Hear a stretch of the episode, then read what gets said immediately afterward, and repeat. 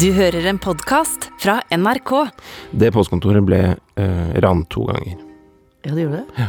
Og noen år etter det siste ranet så fant vi faktisk posen med finlandshett og en sånn avsagd hagle da vi var ute og skulle lage biotop i skogen. Men det er en annen historie. Nei, Det er jo en ganske spennende historie, for jeg skal jo alltid trumfe deg, og det gjør jeg nå også. Fordi eh, postkontoret på Oppsal ble også ranet, og det var vennene mine som gjorde. Ok.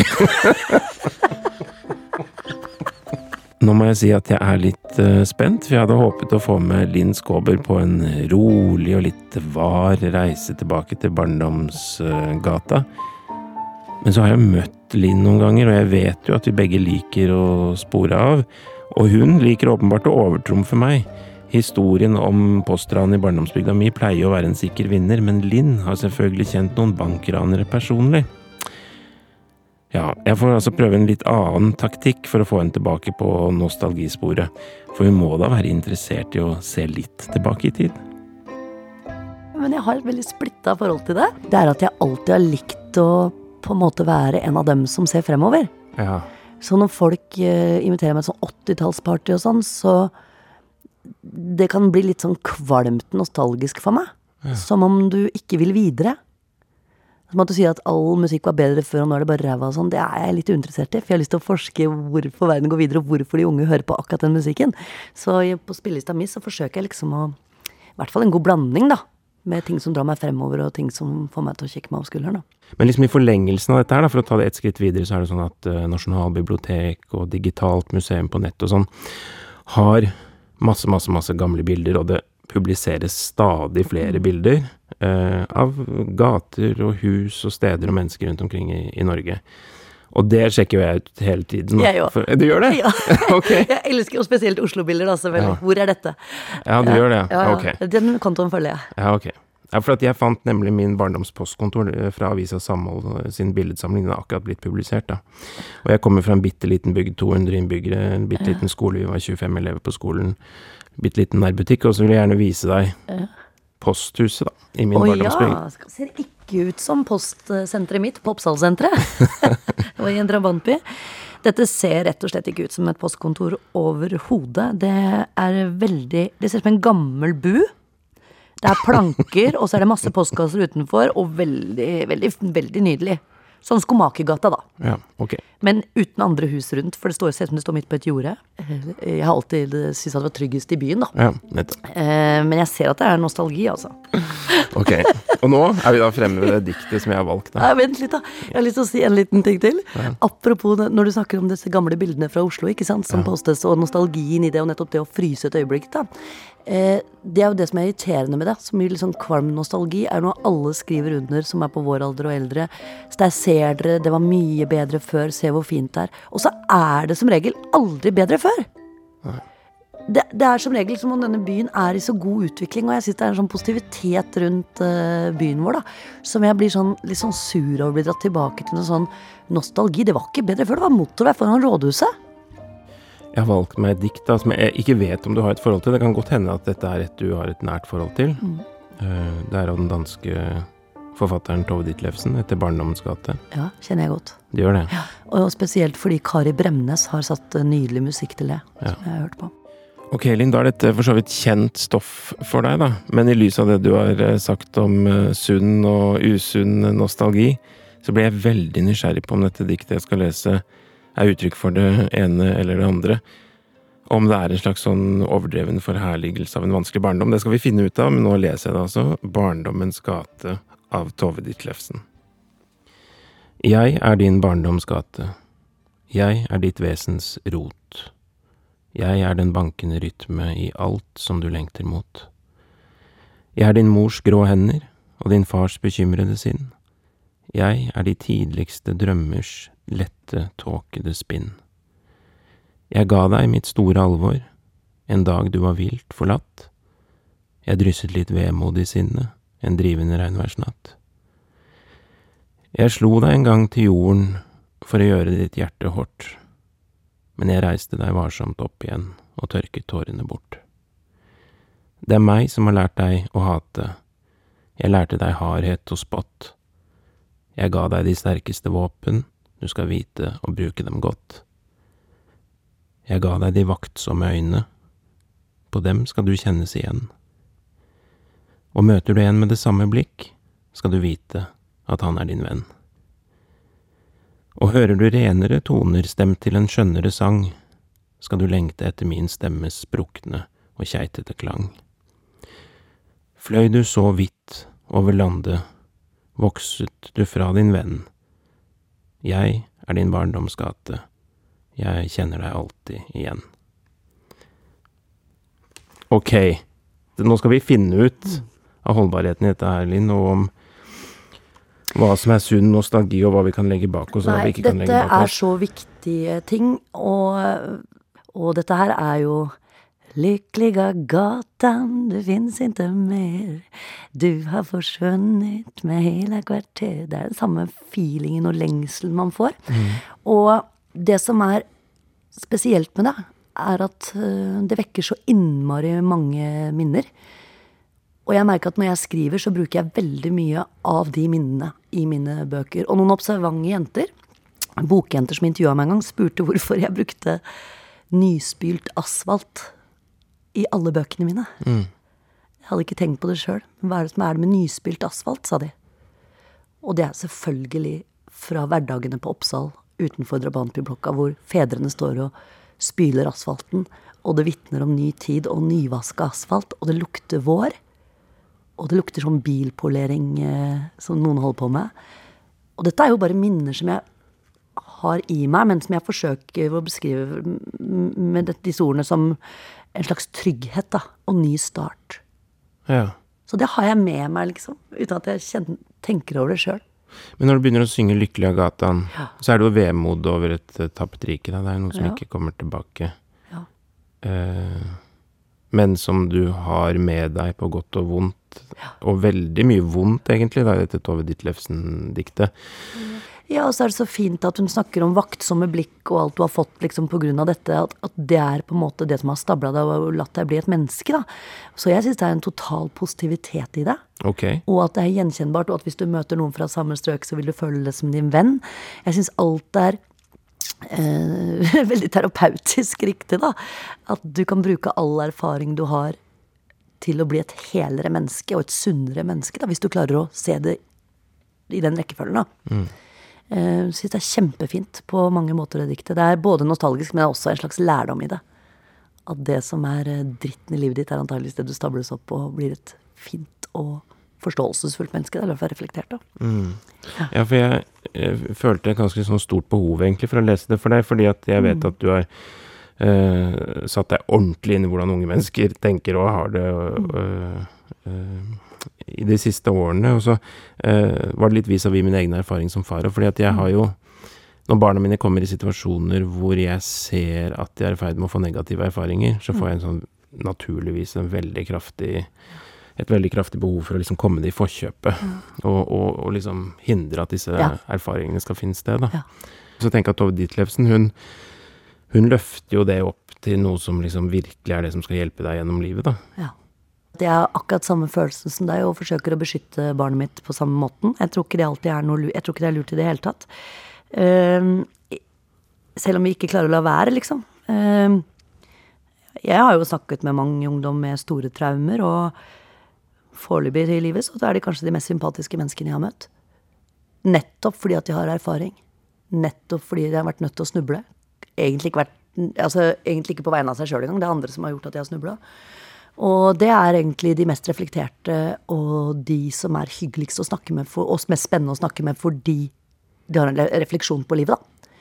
Og jeg veit ikke hvor skadelig det er. Eh, Men her er det sånn Jeg er din mors grå hender og din fars bekymrede sinn. Du har jo snakket en hel del om eh, mammaen din og Mm. tanten din og faren din og Men det, det er, vi snakker ikke grå hender og fars bekymrede sinn på samme måte. Dette er mer et tidsbilde fra en råere virkelighet da enn du vokste opp i. Har ikke du snakket mye om veldig sånn varm og trygg og god Far, familie... Ja, og familiesituasjon. sånn i det hele tatt, liksom. Det er ikke Men det er nok eh, Jeg hadde nok en litt spesiell far.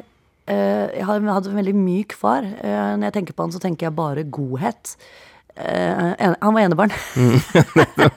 Eh, Jeg tenker veldig mye på det, for jeg var nok oppvokst litt spesielt. Det begynte nok med at mamma brakk ryggen, ryggen under fødselen med meg. Og det er ikke så rart hvis du hadde sett oss to sammen, for hun Veier 40 kilo og er bitte liten, og så får hun en svær jente. Ja. Eh, så det som skjedde, var at faren min stelte meg eh, bare han i begynnelsen. Ja.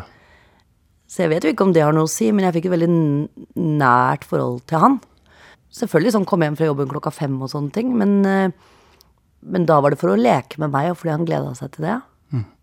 Ikke leke, da. Vi lekte aldri med voksne. Men satt på fanget hans og slo i avisen han leste og sånn. Ufordragelig enebarn, men som han likte og lo av. Så da var vi to enebarn sammen. Jeg har jo lagd en slags sånn barndommens gate for mine sønner oppe i Ullevål Hageby, da, der hvor vi bor. Og, og det er fint. Og så er det selvfølgelig noe med at den barndommens gate som jeg hadde med meg dit, eller som jeg har med meg i bagasjen, den blir liksom ikke helt det samme. Altså jeg, I barndommen så elsket jeg å dra fra gårdsbruk til gårdsbruk og være med å melke kuer og være i fjøs. Og, og så kom jeg oppe på Jon Colletts plass en eller annen dag for noen år tilbake, eh, og så er det en del idealistiske mennesker der som har liksom eh, sådd noen grønnsaker og sånn på Jon Colletts plass, da, som de har dratt opp av jorda, som de selger over disk eh, Ja. utenfor butikken der. Så sier de liksom triumferende at vi selger dette her, for vi driver nemlig gård her. Ja. Og det, ja, det, Og det, det syns ikke du at de gjorde? det, det var ikke gård, altså. Nei. Så dette, det, det, her blir det her blir det, Dette føles veldig sånn splittende i mitt sinn. Ja. Men eh, det er til å leve med. Det er veldig morsomt at i en periode i mitt liv så bodde jeg liksom Jeg følger på landet. Det gjør ikke du, for det var på Ekeberg. og da kom jeg da hjem fra mine sydenturer, eller hvor jeg hadde vært da i Italia eller noe, og kom hjem til den villaen, og det er det kjedeligste jeg har opplevd. Ja. Det var som om det var helt feil plassert i meg at ja, men det skal jo ikke være sånn kjedelig når vi kommer hjem. Ingen kom bort og spurte hvordan vi hadde hatt det. Ingen visste at vi hadde vært borte, antageligvis.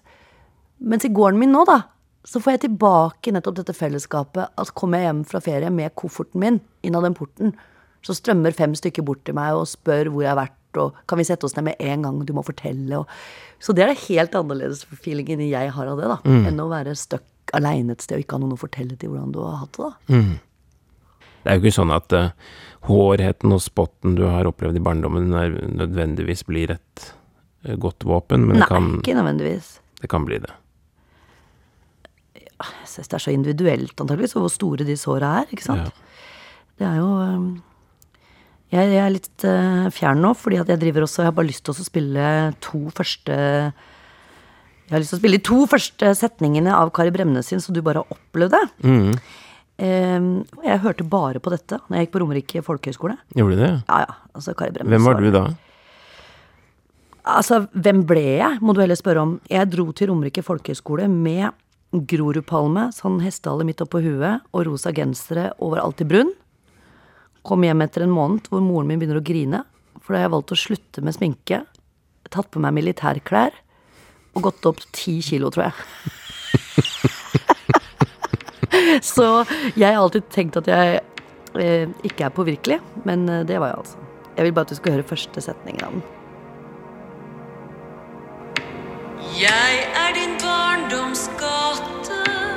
Jeg er ditt vesens rot. Jeg er den bankende rytme i alt hva du lenges mot. Jeg er din mors grå hender og din fars bekymrede sinn. Og jeg er de tidligste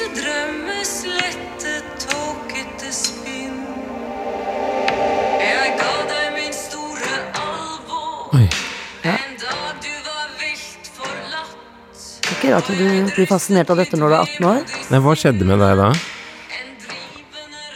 Åh, det var så mye stemning i både stemmen hennes og ikke minst i diktene. Første gang jeg oppdaget uh, disse diktene. Eh, plata heter Mitt ville hjerte. Det var det eneste jeg hørte på omtrent på Romerike. Jeg hørte på Wyszotsky òg, da. Men, uh, men med gjendiktning av Jørn Simen Øverli, da. Eh, men dette her var virkelig sånn. Dette, dette er bare rommet, mitt- rommet mitt på Romerike og røkelse og ny tid og være aleine og gjøre akkurat hva jeg vil. Begynne å røyke og sånn. Slutta nå, da. Ja, det var det, ja. Ja, jeg hører fremdeles på Kari Bremnes, da. Linn har stumpet røyken, Kari Bremnes følger henne videre på veien.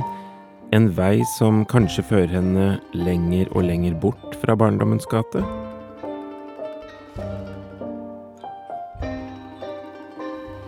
Det er liksom noe med at alle som har vært eldre enn meg, alltid har sagt at minner er så viktig. Og det dreit jo jeg selvfølgelig, for det tenkte jeg det er bare tull. Fordi det er jo livet nå som er, og det er ikke noe håndfaste minner. Minner er for diffust til at det kan hjelpe deg.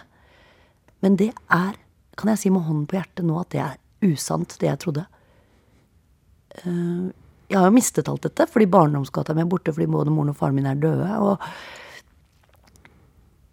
ordentlig sånn at jeg føler at dagen er nær meg, kan være at jeg ligger på sofaen på Grünerløkka og har vinduet åpent og hører biler og lukker øynene og ordentlig er igjen på Oppsal, hvor jeg faktisk er fra. Og det er såpass sterkt og nært at jeg, tror, at jeg skjønner hvor viktig det, det de sa at minnene er viktig. For det fyller deg, fyller cellene dine. Og det er derfor vi alltid blir nostalgiske av eh, barndomsgata, ikke sant? På en eller annen måte, uansett hva slags minner det er. Om det er vonde eller bra, tror jeg, da. Fordi det er noe som er eh, borte. Og det er jo ganske bestialsk. Livet er jo bestialsk, men du, minnene sitter jo der, og de er, de er eh, nesten like virkelige som virkeligheten. Veldig bra. Jeg tar diktet en gang til, jeg. Barndommens gate. Jeg er din barndoms gate. Jeg er ditt vesens rot. Jeg er den bankende rytme i alt som du lengter mot. Jeg er din mors grå hender og din fars bekymrede sinn. Jeg er de tidligste drømmers lette, tåkede spinn. Jeg ga deg mitt store alvor, en dag du var vilt forlatt. Jeg drysset litt vemod i sinnet, en drivende regnværsnatt.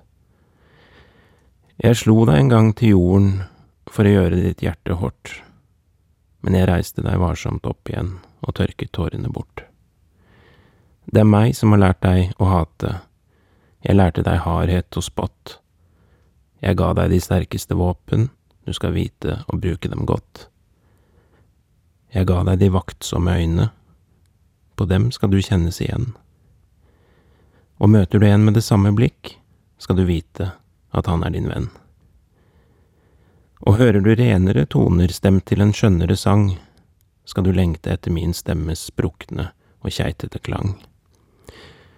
Fløy du så vidt over landet, vokset du fra din venn. Jeg er din barndomsgate, jeg kjenner deg alltid igjen.